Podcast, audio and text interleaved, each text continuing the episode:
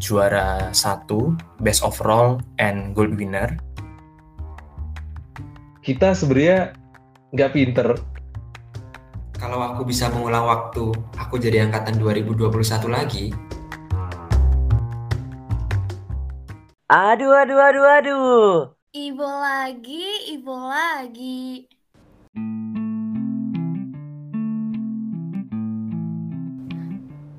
Hai teman-teman Tekim 2021, kembali lagi nih di podcast 2, part 2, To Be The Winner and Beyond.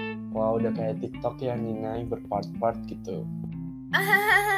iya sih Van, tapi part 2 ini nggak bakal kalah serunya loh sama part 1 kemarin. Nah, mumpung masih ada mas-masnya nih, kita langsung tanya aja kali ya. Boleh diceritain gak tuh mas, lomba-lomba yang pernah mas-mas ikuti? Oke, mungkin aku langsung ceritain untuk lomba yang uh, pertim aja ya, karena memang pengalamanku juga uh, lombanya juga bareng uh, teman-teman ini, Gerald Krishna yang keren-keren ini.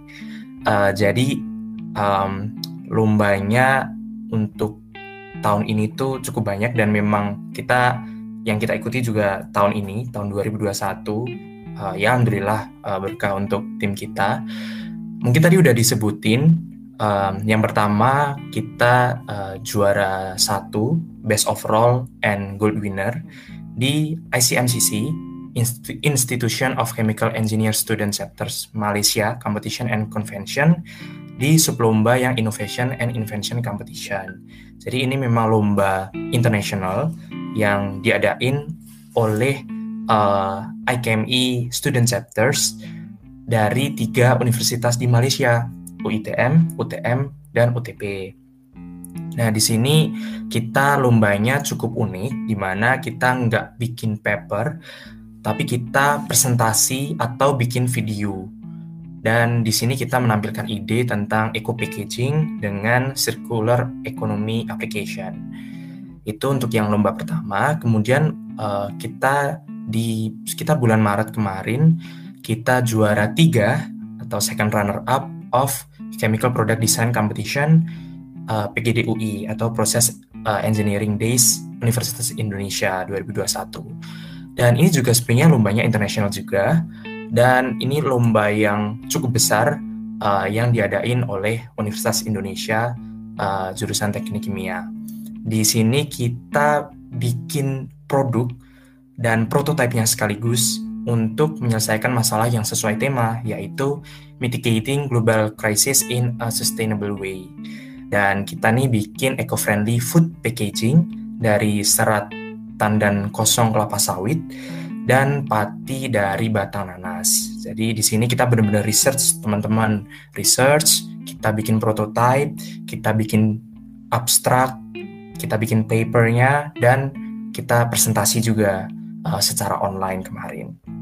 Dan alhamdulillah bisa juara tiga. Kemudian uh, sebelum itu kita juga pernah juara uh, satu dan best presentation of scientific paper competition in Chemission atau chemical engineering competition yang diadakan oleh uh, Teknik Kimia Universitas Pertamina.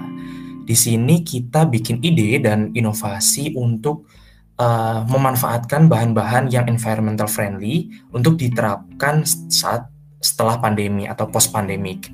Dan idenya adalah kita manfaatin sampah-sampah atau limbah organik menjadi listrik dengan sistem biohidrogen dan uh, PEM fuel cell gitu. Dan uh, kita juga pernah mendapat mungkin bukan juara 1 2 3 tapi kita dapat uh, top 5 of International and Biotechnology Competition and Exhibition atau disingkat IPCEX yang diselenggarakan oleh uh, Universitas Teknologi Malaysia, di mana kita bikin uh, atau nampilkan ide tentang gimana sih menyerap gas CO2 di uh, gas power plant atau pembangkit listrik tenaga gas dengan mikroalga chlorella. Dan ya alhamdulillah kita bisa top 5 di ajang internasional yang diikuti sekitar 30 39 tim gitu. Itu sih mungkin lomba-lomba yang alhamdulillah kita menangkan. Oh iya, uh, honorable mention untuk lomba chemical product design competition kita dibantu oleh uh, kakak tingkat kita dari angkatan 2017 uh, yaitu Mas Adi dan Mas Hanif. Mungkin kalau dengerin ini, thanks Mas bantuannya uh, dan doain kita cepat nyusul mas-mas semua. gitu sih mungkin. Oke, wah keren banget ya ide lomba yang membawa kemenangan untuk tim mas-mas ini. Nah, uh, aku dengar-dengar nih untuk Mas Gerald ternyata suka uh, mengikuti perlombaan. Mungkin untuk Mas Gerald boleh nih diceritain lebih lanjut mengenai lomba-lomba apa aja sih yang udah diikuti oleh Mas Gerald ini? Uh, lomba yang aku ikutin ini nggak sama teman-teman di sini. Aku pernah ikut uh, lomba international case study diselenggarain sama uh, Petrolida ITS. Nah, di situ aku dapat juara satu uh, case-nya adalah gimana cara kita mengembangkan um, lapangan gas di kayaknya Selat Makassar kalau nggak salah deh. Nah, pokoknya kita disuruh mengembangkan gimana cara optimalisasi lapangan gas di situ. Um, terus juga pernah nyoba lomba smart competition namanya, uh, kayak cerdas cermat gitu sih. Dari Boreis itu diadain sama SPI Universitas Pajajaran Lalu aku pernah juga ikut lomba Shopee Ultimate Case Challenge sama teman-teman SMA aku cuma uh, that goes nowhere karena memang kurang persiapan pada waktu itu. Sama yang lagi ongoing sebenarnya sekarang adalah hackathon dari Schlumberger. Mungkin di antara lomba-lomba ini yang pernah aku ikutin dan yang lagi ongoing, aku paling tertarik lomba yang sekarang sih. Jadi uh, lomba hackathon dari Schlumberger ini lombanya orang kerja sebenarnya. Tapi kemarin diajak lah, diminta buat jadi salah satu anggota tim dari uh, timku ini sekarang. Dan di sini kita diminta buat bikin prototype uh, aplikasi buat mengembangkan pengeboran sama produksi minyak. Itu um, yang kita lagi kembangin sekarang adalah namanya sistem uh, penentuan level optimal uh, high level alarm gitu. Jadi kalau misalnya dalam produksi selalu ada alarmnya kan. Kalau misalnya terlalu kencang flow rate-nya atau uh, tekanannya terlalu gede di bawah, alarmnya bakal bunyi buat mintain produksi. Cuma kalau kita pasangnya terlalu bawah, nanti alarmnya ketrip terus. Kalau kita pasangnya terlalu atas, nggak uh, cukup waktu buat bereaksi, uh, sistemnya bereaksi buat tutup, nanti malah udah meledak duluan. Jadi ada selalu uh, titik optimalnya dan itu berbeda-beda tergantung sama produksi di lapangan. Produksi di lapangan tuh gak sama gitu tiap hari. Uh, that's what we do.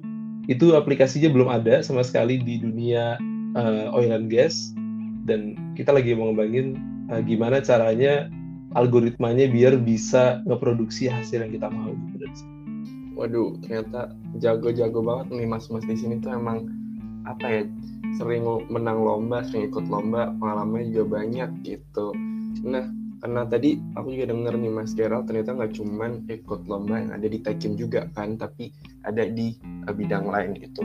Mungkin aku mau nanya lebih dalam nih Mas Gerald. Kira-kira ada nggak sih perbedaan antara lomba yang Mas Gerald ikutin yang merupakan bidang yang di Tekim sama di luar Tekim gitu? Kalau boleh tahu uh, perbedaannya itu apa aja gitu?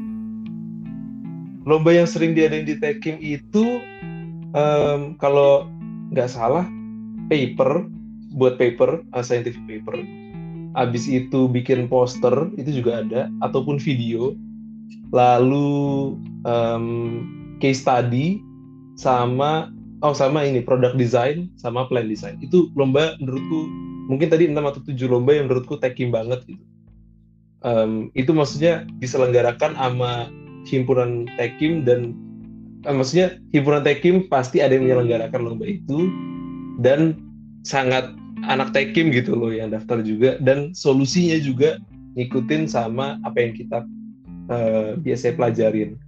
Yang di luar Tekim sama sekali itu business case, uh, hackathon, hmm, model United Nations itu juga lomba yang di luar Tekim sama sekali, uh, smart competition, sama mungkin in a sense PKM agak di luar Tekim karena kita harus gabungin uh, ide kita sama teman-teman dari disiplin lain.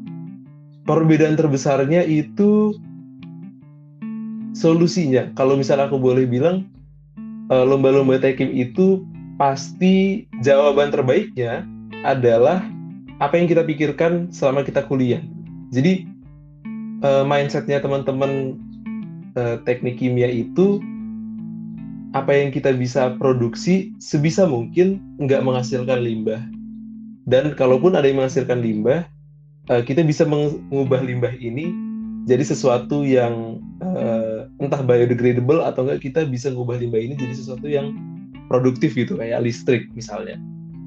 Um, sementara kalau misalnya di luar tekim, ke umumnya tuh penyelesaiannya bukan ke arah situ gitu. karena penyelesaian dengan uh, dampak seminimum mungkin yang seperti yang kita pengen itu sebenarnya butuh uang yang besar atau teknikalitasnya ribet dan uh, menurutku perbedaan terbesarnya di situ tergantung apa yang kalian inginin uh, ikut lombanya apa kayak misalnya bisnis case itu sama sekali kita nggak bisa mengoptimalisasi uh, dengan pola pikir anak-anak tekim kalau bisnis case kunci utamanya adalah sesedikit mungkin effort sebesar mungkin impactnya. Kalau misalnya kayak hackathon mm, mungkin solusi uh, bukan solusi. Mungkin jawaban terbaiknya adalah uh, solusi yang belum pernah ada di masyarakat dan keuntungannya paling besar gitu kalau diaplikasikan. Um, buat Model United Nations, aku nggak bisa ngomong banyak karena belum pernah ikut. Kalau Smart Competition itu cerdas cermat sih, jadi teman-teman harus apal banyak hal, banyak terms. Um, kalau PKM aku juga belum pernah ikut, tapi kurasa kurang lebih sama kayak hackathon tadi karena dia ngebuat prototype kan. Uh, menurutku perbedaan utamanya sih di situ. Uh, gimana cara kita melihat solusi dari lomba tersebut? Oke deh, jadi jawabannya perbedaan lomba yang ada di Tekim dan di luar Tekim adalah bagaimana cara kita memandang solusi dalam menyelesaikan perlombaan tersebut. Nah, Uh, sekarang aku pengen tanya nih pertanyaan yang gak kalah menarik dari sebelumnya. Dari Mas Naren, Mas Krisna, kemudian Mas Gerald kan sering nih setim dalam mengikuti perlombaan. Kemudian tim mas-mas ini bisa dikatakan lah sering mendapatkan penghargaan. Nah mungkin dari Mas Krisna bisa nih cerita gimana sih cara untuk membentuk sebuah tim yang baik dan juga keren kayak mas-masnya ini.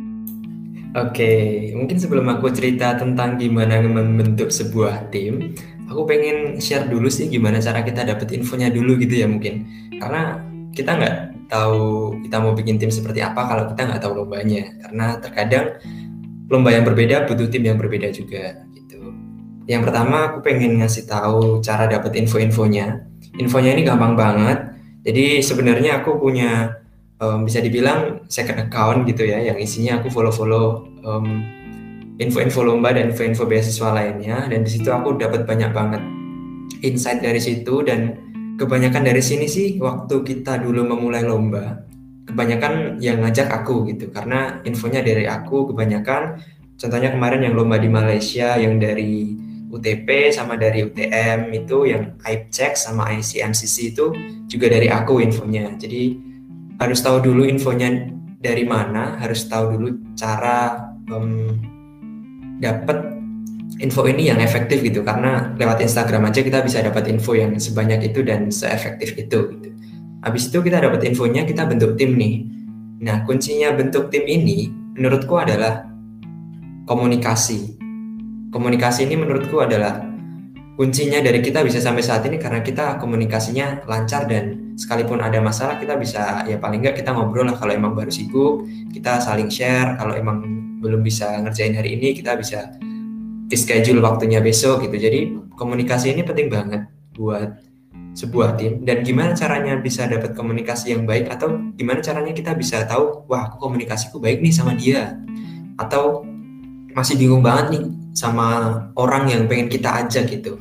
Jadi yang pertama memang harus ada yang ngajak. Kalau nggak ada yang ngajak emang nggak mungkin. Jadi buat kalian yang mau memulai lomba, kalau memang bingung, jadilah yang ngajak dulu gitu. Jadilah yang ngajak, habis itu cari orang. Cari orangnya seperti apa, yang komunikasinya baik, lewat keseharian kalian gitu. Pertama dari lihat dari keseharian kalian. Kalau keseharian kita udah nyaman sama teman-teman kita, paling nggak kita um, obrolannya nyambung atau jokesnya nyambung gitu atau kadang um, kita punya common sense antar temen gitu itu penting banget. Karena nanti pada akhirnya di sela-sela lomba kita juga pasti bercandaan juga gitu nggak mungkin kita serius terus gitu. Dan itu penting banget karena pada akhirnya nanti teman-teman bakal lomba sama teman dekat kalian atau teman yang sering kalian bersamai di keseharian kalian gitu. Dan itu yang utama nggak perlu mikirin oh, aku harus sama yang pinter banget nih karena aku nggak pinter. Nggak usah gitu karena nanti di lomba itu bakal saling melengkapi dan setiap orang pasti punya kelebihan dan kekurangan masing-masing. Tinggal gimana cara kita mengkomunikasikan kelebihan kita atau kita ngomongin ah, aku kurang nih di sini nanti kamu aja ya yang di situ. Jadi segampang itu buat membentuk sebuah tim. Intinya adalah kalian punya komunikasi yang baik dan gimana cara dapat teman yang punya komunikasi yang baik lihatlah keseharian kalian siapa teman-teman dekat kalian. Gitu. Oke, berarti intinya adalah komunikasi ya. Jadi harus bisa punya komunikasi yang baik dalam tim, terus juga cari nih kira-kira partner yang cocok untuk kita ajak komunikasi biar jalan terus uh, istilahnya lombanya juga lancar gitu. Nah, kalau kita ngomongin tentang lomba di taking nih, pasti kita nggak akan jauh-jauh kan ya dari ide gitu. Kita perlu bawa ide yang harus uh, dikembangkan. Nah mungkin aku mau nanya nih, gimana sih cara kita bisa dapet ide yang nantinya tuh kita kembangkan dan akhirnya bisa menang gitu untuk perlombaan tertentu gitu. Mungkin boleh dari Mas Naren bisa kasih caranya gitu gimana?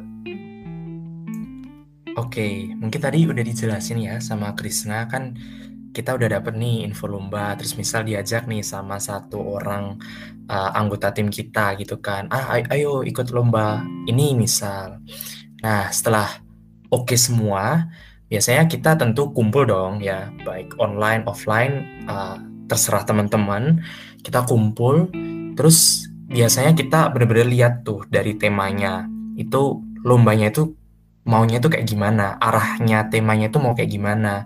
Bahkan mungkin kayak uh, inti dari temanya itu apa, dan kita pahami bareng gitu.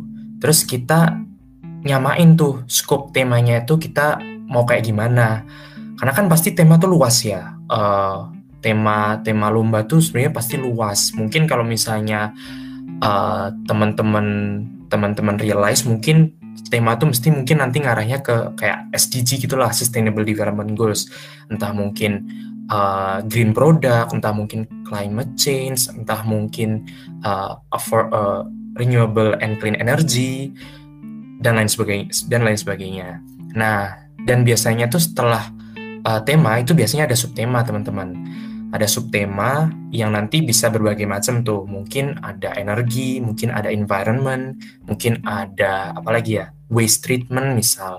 Nah itu dibahas tuh. Kita uh, tim kalian tuh mau subtema apa yang kira-kira uh, kalian pengen bahas gitu. Nah kalau udah clear nih uh, soal uh, tema persepsinya udah sama lanjut tuh kita cari problem dan ide yang sesuai tema itu gitu. Nah, cari problem ini tuh sebenarnya sumbernya dari mana dan urutannya kayak gimana tuh sebenarnya bisa kayak gimana aja.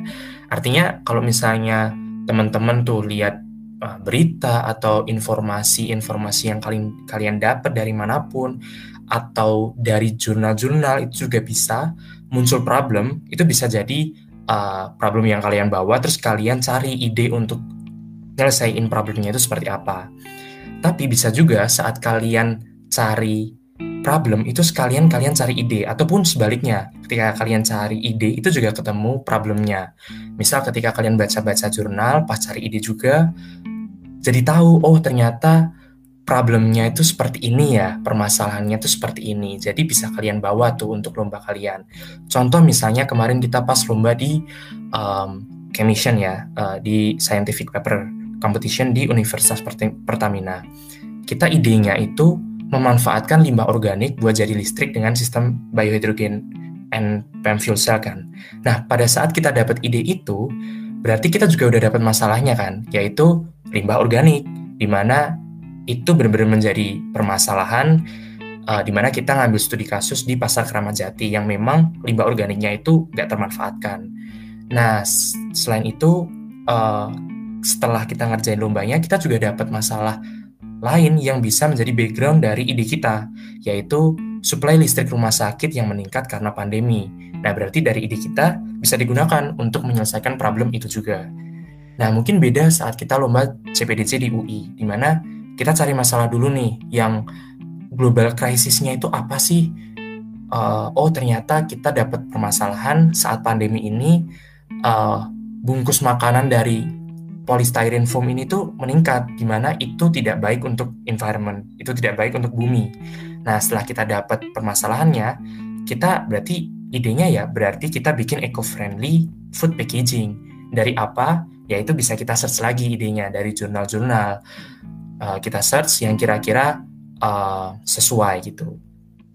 Oh ya, biasanya saat kumpul bahas uh, tema tadi, kita tuh punya satu PR buat masing-masing anggota, yaitu setiap orang tuh cari problem dan ide masing-masing. Nah, uh, kita cari bisa lewat jurnal, uh, baik mungkin dari mana aja ya jurnal. Uh, kalau teman-teman bingung mungkin kita tuh dapat akses easyproxy.com ya, kalau nggak salah itu. Uh, aku lupa sih easy proxy dan itu nanti kita uh, login pakai SSO uh, SSO GM kita kemudian di situ ada banyak banget sumber yang bisa kalian cari jurnalnya. Bisa dari Science Direct dan lain sebagainya. Atau mungkin dari sumber lain misalnya kayak ResearchGate atau bahkan mungkin Google Scholar. Nah biasanya kalau udah uh, udah itu kita ketemu buat nentuin ide yang dipilih. Atau mungkin kalau pas possible tuh kita satuin idenya. Nah, terus apa apa parameter pemilihan ide? Ada dari novelty, uh, kira-kira ini tuh udah ada belum? Udah banyak dimanfaatkan belum? Kalau misalnya udah ada, gimana sih uh, kekurangannya dan apa yang bisa kita uh, maksimalkan dari yang sudah ada ini? Terus misal dari visibility, visible nggak sih ide kita nih untuk di uh, realizein atau mungkin di scale upin? Kemudian kesesuaian dengan tema, ya tentu kita harus menjawab tema tentunya impact dari ide kita tuh kayak gimana. Artinya manfaat dari ide kita tuh sepadan nggak dari dengan mungkin cost dengan uh, apa ya, misal keterbatasan material yang uh, harus kita cari seperti itu. Jadi itu yang penting. Nah kalau udah ada ide ya udah kita tinggal eksekusi. Gimana kita ngembangin idenya? Nah ini bisa ada dua jalur nih yang bisa dipilih. Bisa riset sendiri kayak uh, waktu kita lomba di CPDC kita benar-benar nge-lab, kita bikin produk uh, dari bahan-bahan yang udah kita rancang, uh, dan as long as itu visible ya dilakukan di lab. Dan selain kita nge-lab, kita juga tentu harus research kalau misalnya uh, research by literature review. Jadi harus harus di dibareng itu juga.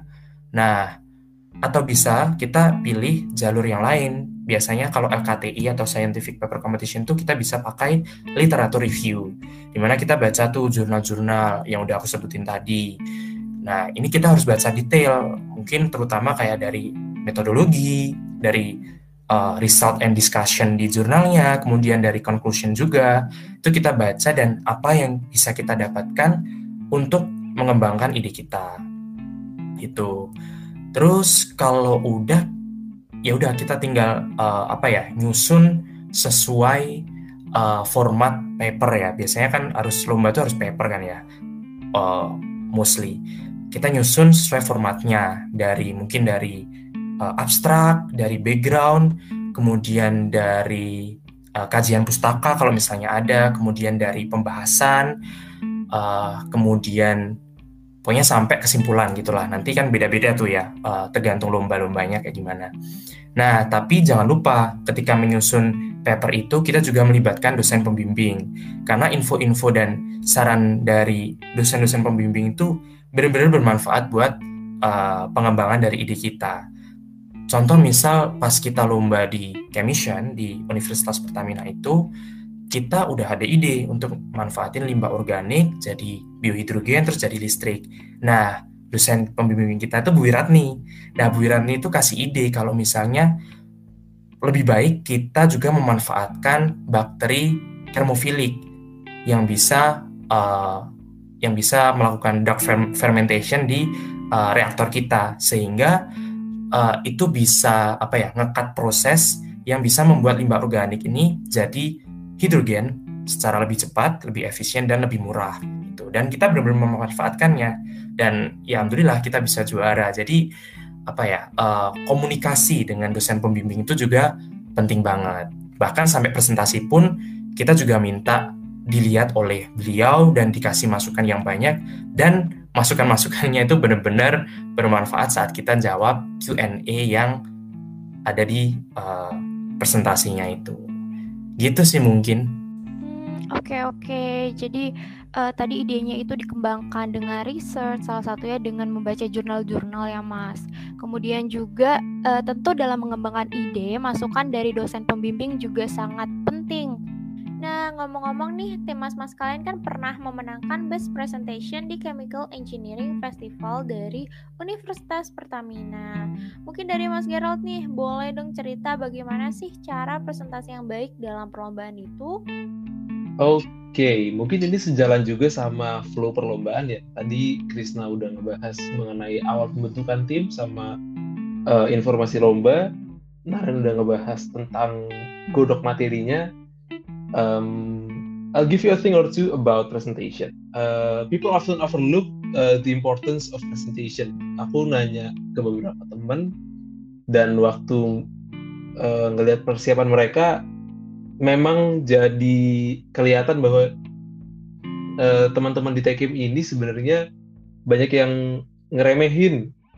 Kalau misalnya boleh aku bilang ngeremehin, bukan nggak ngaku ya, cuma kayak nganggap santai gitu presentasi.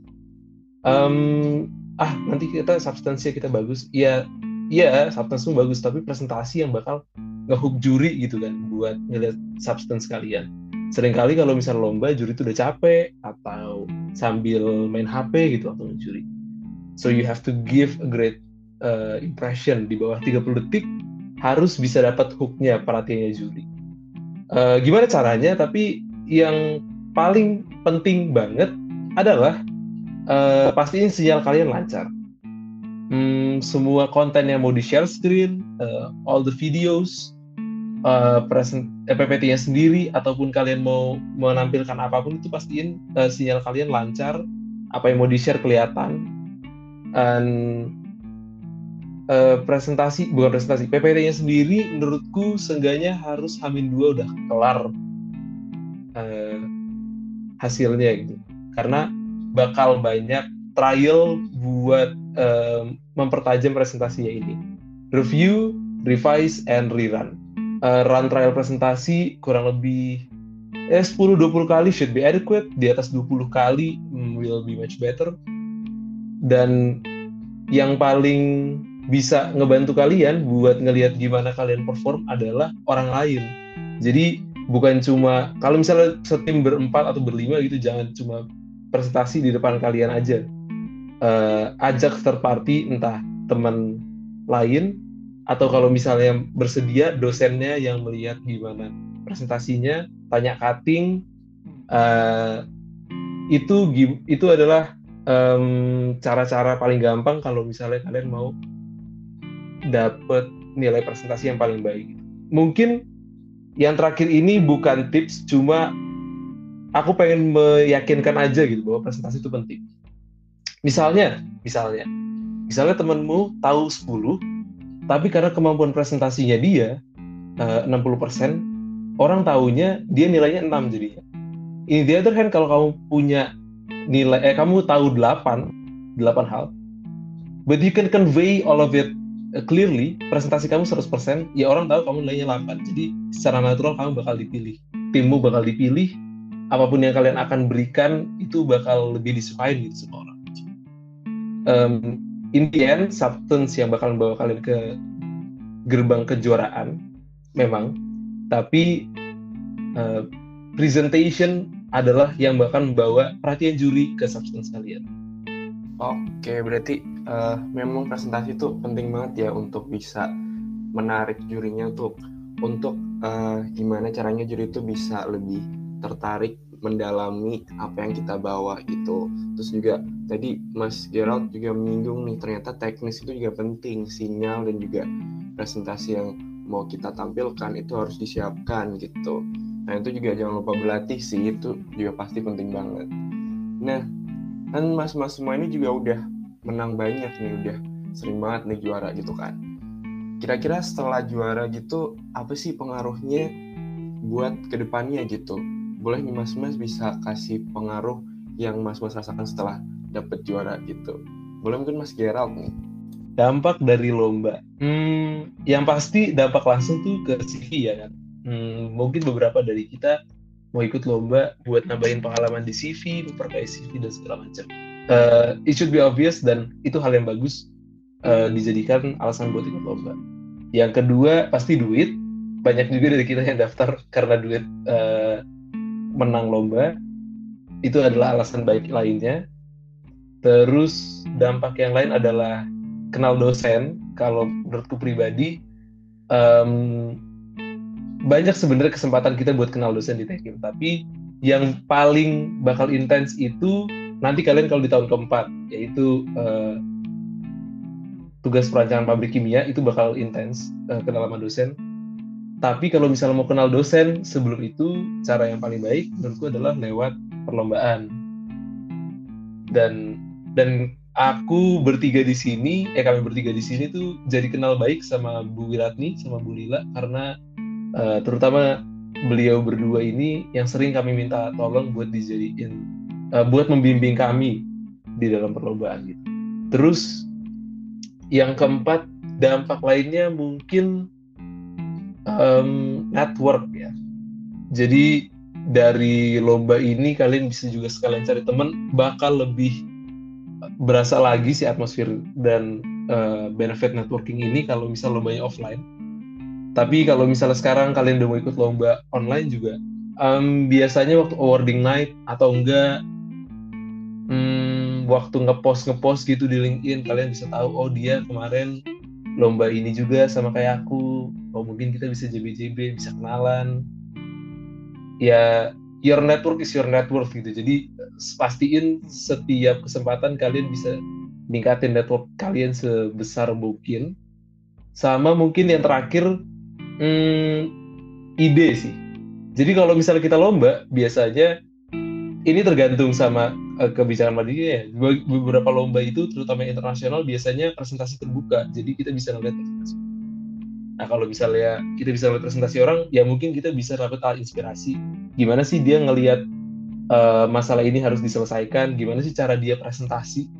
Gimana sih cara dia menyampaikan pendapatnya? Gimana sih uh, apa ya ide-ide orang lain gitu? Dan kita bisa ngadaptasi ini itu kita bisa pakai dengan berbagai perubahan tentunya ya kita bisa pakai dan dikembangin jadi milik kita di tempat lain. Oke, ternyata banyak banget ya teman-teman dampak positif dari mengikuti dan juga memenangkan perlombaan. Mulai dari tadi dapat hadiah, kemudian lebih kenal sama dosen, kemudian juga dapat meningkatkan network, kemudian juga dapat mendapatkan ide baru nih dalam perlombaan. Nah, tadi kan kita udah ngomongin bagian sukses-suksesnya nih dari mas-mas semua. Tentu di balik cerita-cerita sukses dari mas-mas, mas-mas pernah nggak sih mengalami suatu kegagalan dalam mengikuti perlombaan?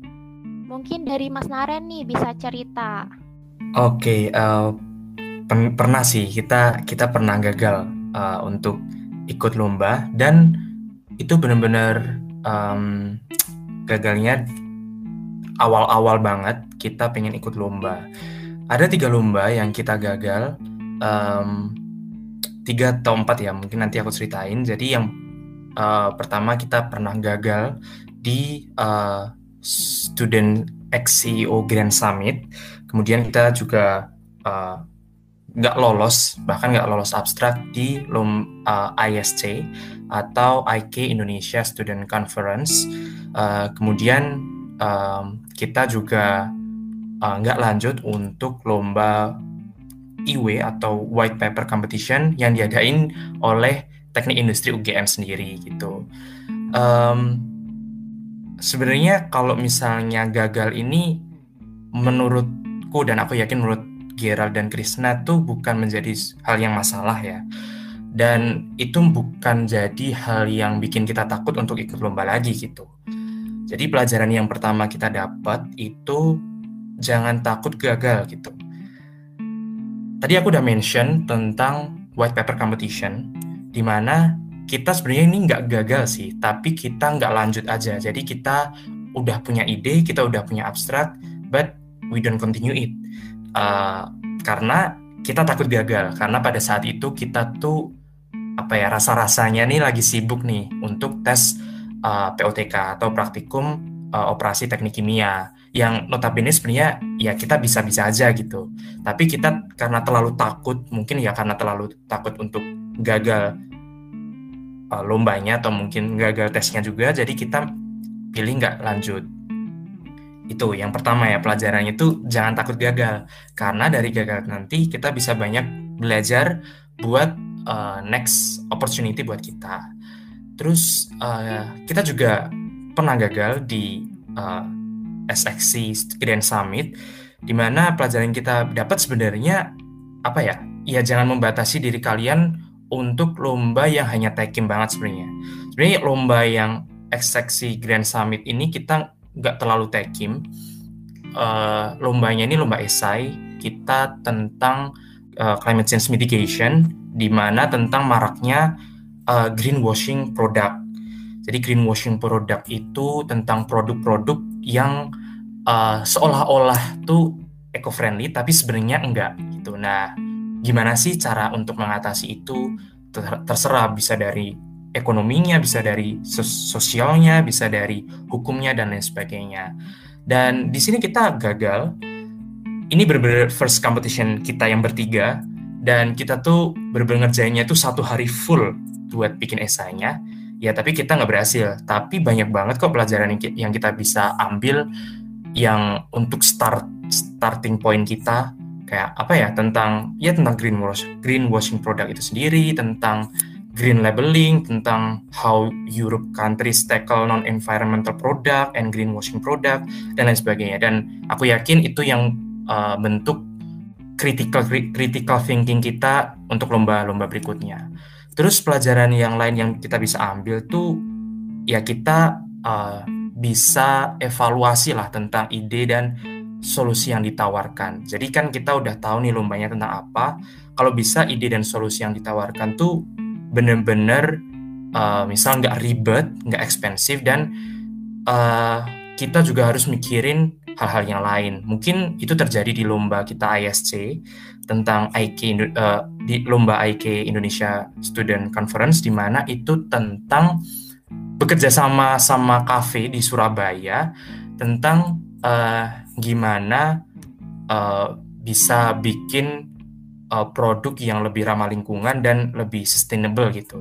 Nah karena itu semi-semi kayak uh, apa ya ya mungkin bisnis competition kita mungkin belum terlalu ke sana arahnya dan ya itu menjadi pembelajaran kita juga gitu. Dan mungkin um, kalau misalnya mau dimention uh, kegagalan sebenarnya nggak juga, tapi di IPTEX kita mungkin nggak juara satu, dua atau tiga, kita hanya top five yang menurut kita sebenarnya udah keren banget. Kita kita proud of ourselves ya. Uh, tapi uh, di sana ternyata yang menang itu ya yang uh, lebih menonjolkan mereka benar-benar research dan uh, benar-benar apa ya ngelab lah istilahnya istilahnya. Benar-benar ngelakuin ide mereka. Nggak hanya berdasarkan literatur review yang akhirnya ya bikin kita realize bahwa banyak banget gitu loh macam lomba yang sebenarnya mungkin nggak kasih tahu kita di awal bahwa yang lebih uh, diunggulkan tuh yang benar-benar udah ada produknya. Dan pada saat itu kita hanya sebagai uh, kita hanya lewat literatur review dan kita belum bisa jadi juaranya tapi ya it's okay kita ambil itu as prestasi juga gitu. Jadi sebenarnya dari kegagalan tadi banyak ilmu dan pembelajaran yang bisa diambil ya uh, buat nggak diulang untuk next competitionnya. Jadi kalau menurutku every step to reach our goals, especially if we talk about competition ya competition itu pasti ada apa ya ada sacrifice-nya lah baik materi, waktu dan lainnya kayak di kompetisi-kompetisi yang kita udah gagal. Tapi ya itu yang bikin kita bisa apa ya bisa thrive more untuk next competitionnya. Yang akhirnya ya kita berentetan tuh uh, CPDC uh, kemudian commission di Universitas Pertamina kemudian di ICMCC kita bisa juara-juara. Gitu sih mungkin ternyata banyak banget ya ilmu dan pelajaran yang dapat diambil dari suatu kegagalan. Nah, menurut Mas Taren ini setelah mengalami suatu kegagalan berkali-kali, biasanya kan orang e, merasa takut ya untuk memulai kembali mengikuti suatu perlombaan. Bagaimana sih Mas caranya supaya rasa percaya diri kita itu dapat kembali, dapat bangkit kembali untuk tetap mencoba mengikuti suatu perlombaan? Hmm, oke. Okay. Uh, eh, mungkin biar semangat kita bisa kembali itu apa ya? Sebenarnya um, pada saat kita gagal ya ya oke okay, kita gagal gitu ya tapi kita satu sama lain tuh kita bertiga nih ya misal itu tetap apa ya tetap haus lah istilahnya tetap ah ya udah nggak mau berhenti di sini gitu loh gagal mah gagal aja tapi ya udah kita lanjut dong ada banyak kok uh, opportunity lain yang penting kita bisa benar-benar menang uh, untuk next lombanya gitu jadi uh, apa ya yang paling penting kalau misalnya nanti kalian gagal, kalian tuh uh, apa bikin standar goals kalian dulu. Kalian bener-bener mau menang lomba nggak? Kalau misalnya mau menang lomba, ya itu biasa banget gitu loh. Gagal itu biasa banget. Jadi untuk nextnya kalian ya tetap semangat buat ikut lomba lagi gitu, uh, buat coba lagi. Karena kalian merasa masih lapar lah buat uh, dapet uh, pengalaman-pengalaman dan benefits dari lomba itu gitu. Gitu sih mungkin. Dan mungkin kalau misalnya kadang ada uh, yang kayak aku nggak uh, aku nggak tahu sih. Mungkin uh, dari aku Krisna Giral nggak ada yang benar-benar ngerasa down banget setelah mungkin kita kalah atau nggak lolos di lomba-lomba berikut.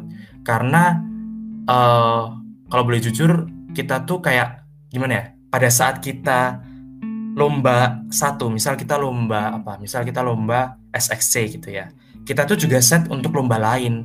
Misal kita lomba, set lomba CPDC gitu. Jadi kayak uh, oh SXC gak lolos ya nih. Oke nggak apa-apa kita masih ada CPDC nih yang uh, kita rasa bisa lah kita menang di sini gitu jadi kalau bisa um, atur timeline kalian biar kalian tuh bisa ngeset lomba apa aja untuk maybe two or three months uh, ahead untuk kalian jadikan plan untuk uh, ikutin gitu loh. Jadi ketika kalian udah ngeset lomba-lomba yang akan kalian ikutin, kalau misal gagal yang satu, ya udah masih ada nextnya.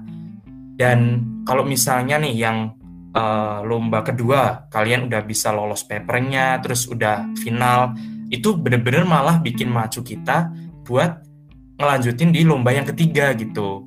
Kalaupun misal nanti lomba yang ketiga nggak menang juga ya nggak apa-apa. Kita masih ada nih lomba kedua kita lolos final loh gitu. Jadi gitu sih uh, atur timeline aja.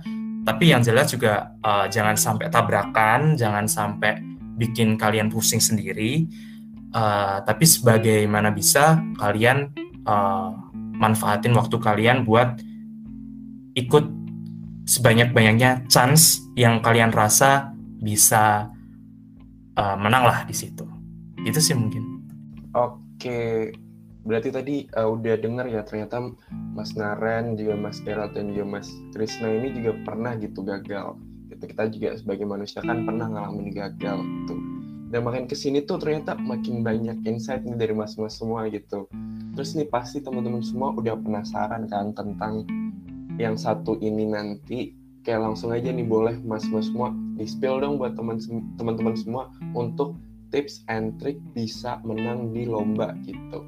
Kayak mungkin Mas Krisna nih bisa kasih tips and trick mewakili teman-teman yang lain.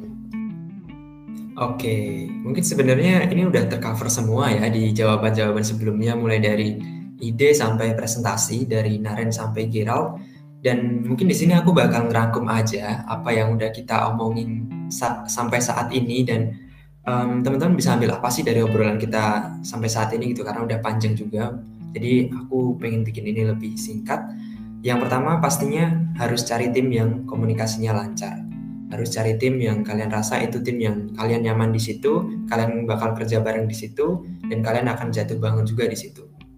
Kedua, udah dapet tim, harus dapat ide. Nah, gimana cara dapat ide? Sejauh yang kita jalani sampai saat ini ini in terms of chemical competition ya bukan di luar itu jadi karena kita bertiga ini lombanya bareng-barengnya tentang tekim. Jadi lomba tekim itu kayak yang Giral bilang tadi pasti butuh ide yang impactful for society dan memungkinkan untuk diwujudkan secara nyata. Itu intinya. Saat kita bisa membawa ide yang bisa memberikan impact dampak baik bagi society atau bagi environment, itu kita akan punya nilai positif yang bisa kita bawa nanti ke presentasi gitu. Jadi saat kita punya ide yang impact dan bisa diwujudkan secara nyata, tinggal nanti kita step-step by stepnya itu gampang karena kita udah punya dasar yang kuat gitu. Dan saat ngerjain project harus put your heart in your competition. Kalau kalian nggak ngerjain project competition ini dengan beneran, dengan sungguh-sungguh, nggak merasa ini adalah project yang beneran kalian lakukan untuk society gitu ya, nggak akan ada yang bisa memudahkan kalian gitu karena drive kita di sini itu kita emang benar-benar bikin project yang besok ini akan ada nih di tahun depan ini. Jadi kita benar-benar bisa bawa project yang bisa diaplikasikan secara nyata. Gitu. Terus di presentasi, saat kita punya ide yang impactful dan memungkinkan untuk diwujudkan, tinggal gimana cara kita menyampaikan. Kalau cara kita menyampaikan udah baik, udah benar, nah itu kita nanti bakal bisa ngehook juri dan juri akan menilai bahwa kita emang benar-benar paham dan kita benar-benar membawa ide yang impactful dan visible gitu. Nah dari situ di presentasi perlu diperhatikan juga tentang verbal, visual, dan konten. Ini tiga hal yang sangat penting di presentasi. Kalau mau dibahas ini mungkin bisa satu atau dua jam ke depan baru selesai. Tapi intinya itu mungkin nanti teman-teman yang mau belajar lebih lanjut bisa kontak Giral atau Naren atau aku. Terus kita mungkin bisa set meeting bareng buat ngobrolin tentang ini lebih jauh gitu. Kita sangat terbuka kalau teman-teman mau sharing sama kita gitu. Kita bukan orang yang jago banget kok tapi kita setidaknya kita udah tahu apa yang kita lalui udah tahu apa yang seharusnya kita susun di dalam presentasi dan itu mungkin akan jadi insight baru buat teman-teman gitu itu aja sih menurutku buat tips and trick sejauh ini nanti silahkan teman-teman kalau mau ngobrol sama kita kita santai aja Oke deh, tuh guys udah dijelasin nih sama Mas Krisna secara detail dan juga udah dibantu buat ngerangkum tips and trick biar menang perlombaan. Jadi dari teman-teman bisa dicatat langsung jadi catat aja tapi diikutin juga. Karena untuk teman-teman 2021 masih banyak nih waktunya untuk bisa memulai uh, mengikuti jejak dari mas-mas semua di sini. Kemudian kalau misalnya mau ngobrolin lebih lanjut mengenai perlombaan ini juga boleh tuh untuk mengontak langsung mas-masnya karena mas-masnya juga sangat terbuka. Nah, lanjut aja nih untuk pertanyaan terakhir banget. Uh, boleh dong dari mas-mas kasih pesan-pesan buat para pendengar Evo di rumah, terutama buat Maba Tekim 2021 nih. Mungkin dari Mas Gerald dulu pesan buat teman-teman 2021 hmm, mungkin ini yang paling gampang lah ya. Hmm, jangan takut buat explore. Karena menurutku teman-teman uh, angkatanku lah kalau bisa aku ngomong itu banyak yang takut explore keluar karena aduh ntar akademiknya Tekim keteteran ah kuliah kita susah praktikum dan segala macam. Enggak kuliah di Tekim tuh nggak berat banget loh. Dan kalau mau dibilang berat uh, makin ke atas, makin semester atas tuh makin makin berasa gitu, makin sulit materi. Jadi kalau ditanya kapan waktu terbaik buat explore keluar, ya sekarang, kapan pun itu kamu. Kalau kamu sekarang angkatan 2021 ya waktu terbaik buat explore tuh ya sekarang, waktu kamu baru masuk. Dan kurasa tiap orang tuh ada jatah gagalnya gitu. Jadi selagi masih semester awal, ya udah habisin aja jatah gagal kalian. Mau ikut, mau itu lomba, mau itu seleksi beasiswa, mau itu uh, mungkin ada yang mau nyoba internship ya udah habisin aja gitu jatah. Gagal kalian di awal jadi nanti kalian udah terbiasa sama lingkungannya udah terbiasa sama sistem seleksinya udah terbiasa sama cara buat mendapatkan hati asesor gitu. Jadi tahun misalnya pun gagal di tahun pertama ya udah tahun kedua tahun ketiga udah bersinar. Gitu. um, sama jangan takut sama cutting buat apa pun itu. Kita sebenarnya nggak pinter. Kita cuma kebetulan ta lahir dua tahun tiga tahun di atas kalian aja. Jadi nggak se serem itulah. Jangan jangan takut tanya info banyak cutting uh, full of resources. Aku juga banyak nanya-nanya ke angkatan 17 16 sampai ada angkatan 2010 yang aku jadiin uh, mentor juga buat uh, informasi-informasi insights gitu. Jadi jangan pernah takut buat nge-approach kita gitu. Sama jangan takut juga sama dosen pembimbing eh sama dosen. Kalau misalnya kalian mau tanya-tanya info mengenai terutama kalau misalnya mau dijadiin pembimbing lomba ya hmm, mereka juga sebenarnya sangat open tergantung bagaimana cara kita nge-approach ya. Jadi jangan tengah malam atau malam-malam. Karena kan kita sering dapat informasi malam tuh kan. Habis sore-sore scroll IG oh ada seleksi ini nih ada lomba ini nih. Jangan pernah kontak mereka malam hmm, kalau misalnya kalian mau tahu informasi lebih banyak mengenai dosen bisa mengunjungi web Kemeng UGM, C H E M E N G UGM, cari aja di Google. Nanti kelihatan tuh dosennya semua siapa apa aja ekspertis mereka. Jadi uh, bisa disesuaikan sama apa yang kalian mau. Mungkin itu dariku. Oke, tuh teman-teman diingat ya pokoknya pesan-pesan dari Mas Gerald. Nah mungkin uh, selanjutnya nih ke Mas Naren. Oke, kayaknya sebenarnya udah cukup dirangkum ya sama Gerald. Kayak jangan takut gagal terus uh, karena memang benar sih setiap orang tuh ada jatah gagalnya itu emang benar. Terus jangan takut untuk explore itu juga benar banget. Dan apa ya selalu be curious lah. Maksudnya uh, kalaupun misal kalian tuh kalah ya atau misal gagal di suatu misal beasiswa gitu atau uh, lomba gitu jangan sampai rasa kalian buat uh, ingin mengembangkan diri itu hilang gitu loh. Uh, karena kalau misalnya kalian udah apa ya udah udah set goals kalian tuh terus kalian uh, gagal gitu ya terus kalian ngerasa ah udah ah aku kayaknya nggak bisa untuk ngikutin ini gitu. Untuk ngikutin lomba ini untuk ikut beasiswa ini. Ya udah bakal susah lagi drive-nya untuk ke sana tuh bakal susah lagi gitu. Harus benar-benar ada effort dan uh, energi yang kuat lah buat ke sana. Tapi kalau misalnya kalian udah maintain uh, goals kal apa set goals kalian terus kalian udah maintain effort kalian sedikit demi sedikit aja satu um, persen tiap hari uh, effort kalian tuh udah udah bakal gede banget gitu loh kalau misalnya kalian lakuin terus gitu. Dan um, ketika kalian uh, bisa menang itu kalian malah bakal tambah pengen lagi untuk ikut lagi gitu. Jadi uh, yang paling susah tuh kan yang mulainya ya.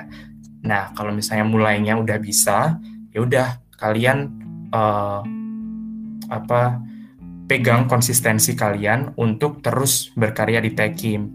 Kalau misalnya di semester satu kalian, mungkin kalian nanti sibuk uh, apa ya? Semester satu sibuk apa sih? Kayak mungkin ya mungkin baru mau daftar-daftar organisasi, event, terus um, ikut acara-acara polimer yang aku yakin bagus ya. Terus kalian udah ikut lomba gitu misal. Nah, itu kalian tingkatin lagi di semester 2. Misal kalian uh, ikut sesuatu yang kira-kira lebih bermanfaat. Misal daftar beasiswa gitu. Terus ikut lomba yang lebih advance. Kalau misalnya kemarin kalian lomba LKTI yang paling sering tuh ya, kalian ikut yang lainnya. Misal lomba case study gitu, atau lomba um, apa? Misal uh, esai gitu. Nah itu kalian tingkatin terus uh, sampai nanti kalian lulus. Nah kalau udah gitu udah apa ya enaklah jalan kalian nanti kalian udah CV-nya udah penuh, kalian udah kenyang sama pengalaman, dan nantinya buat uh, lebih buat mungkin nanti setelah lulus tuh lebih bisa lah gitu. Itu sih mungkin pesan-pesan dariku. Pokoknya jangan takut deh, jangan takut gagal. Aku udah ngerasain banyak gagal dan aku masih semangat kok dan buktinya aku bisa bisa ini bisa nyamain Gerard Krishna yang aku rasa lebih keren-keren dari aku. Wah mantep banget nih pesan-pesan dari Mas Naren. Kalau dari Mas Krisna gimana nih Mas? Ada pesan-pesan nggak buat teman-teman Maba Tekem 21? Oke, mungkin di sini aku bakal cerita tentang tiga tahun di kuliah ini aku dapat apa sih yang aku rangkum dalam beberapa menit ini ya. Jadi kalau aku bisa mengulang waktu aku jadi angkatan 2021 lagi, aku bakal menyeimbangkan antara kehidupan pertama akademik, organisasi atau leadership, terus competition. Itu yang akan aku maksimalkan di situ karena aku merasa aku telat buat memulai competition gitu. Aku baru mulai competition di semester kelima Padahal semester 2 atau semester 1 pun teman-teman pasti udah ada yang memulai kan. Nah, di situ buat teman-teman yang udah memulai kalian um, orang yang sangat beruntung. Tapi buat teman-teman yang baru um, dapat infonya sekarang dan belum memulai, kalian masih punya waktu panjang dan mulailah dari sekarang sebelum kalian nyesel gitu. Terus kehidupan akademik, leadership, dan competition itu tiga hal yang nggak bisa dipisahkan jadi dulu aku nyesel saat denger kalian bila bisa milih alma mater kalian buat selalu berbau competition atau selalu berbau demo. Sebenarnya kita bisa mengambil semuanya kalau kita mau ya. Karena itu sesuatu hal yang berbeda dan bisa kita ambil semuanya kalau kita mau ngambil gitu. Jadi saat kita punya kesempatan, ambillah kesempatan itu, bikinlah alma mater kalian bau semuanya, bau leadership, bau akademik yang bagus dan competition gitu. Kalau kalian bisa semuanya, itu akan menjadi pembeda kalian. Karena dari competition ini aku sadar banget bahwa saat kita gabung di forum competition, bayangin aja di CPDC gitu, kita ketemu sama orang-orang yang udah melewati banyak tahap dan di situ tersortir orang-orang yang benar-benar punya ide dan punya kreativitas, punya effort yang besar banget buat project mereka. Dan saat kita ada di situ, kita merasa duh kita ini masih jauh banget dari apa yang bisa sebenarnya kita capai gitu. Kita masih jauh banget juga dari orang-orang yang udah sering menang di situ. Dan di situ kita jadi mikir, terus apa kelebihanmu dari yang lain gitu? Besok sainganmu bakal banyak banget di dunia kerja, nggak cuma saingan sama anak tekim, tapi saingan sama ITB UI dan lain-lainnya yang notabene mereka sangat aktif juga gitu. Kalau kalian nggak aktif, apa yang mau kalian bawa buat bukti kalau kalian itu punya value. Jadi pesanku adalah jadilah orang yang punya value, mulai dari leadership, academic atau lebih ke knowledge, terus skill dari competition juga. Dan bisa ditambah lagi kalau tahun akhir kalian bisa internship. Nah itu penting banget kalau bisa seimbangin dan jangan pernah takut buat nggak bisa nyeimbangin gitu karena kalau kita udah mencoba kita gagal kita bakal coba lagi kita gagal lagi kita bangkit lagi dan ternyata kita dapat patternnya nih kita dapat patternnya oh ternyata gini toh di Tekim itu patternnya akademik leadership competition internship nah itu nanti bisa kalian capai kalau kalian memang udah beneran mau mencoba dan put your heart in what you doing itu sih yang paling penting. Dan jangan lupa buat buktiin kalau kalian ini nggak kalah sama anak-anak Tekim di luar sana yang memang sebenarnya keren banget. Itu aja sih dari aku. Oke oke, berarti dari Mas Krisna itu pesannya adalah untuk gimana kita bisa balance gitulah ya untuk semua bidang.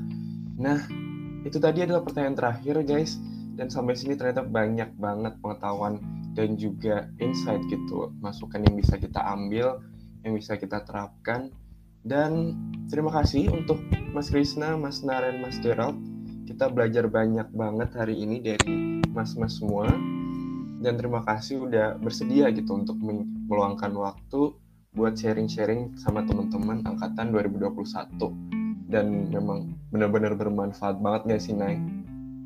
Iya, bener banget sih Van. Aku yakin para pendengar Evo di rumah juga ngerasain hal yang sama. Ya, walaupun ruang gerak kita terbatas, kita tetap bisa mendapatkan ilmu dari berbagai platform. Salah satunya yaitu lewat podcast Evo ini. Ya setuju banget nih.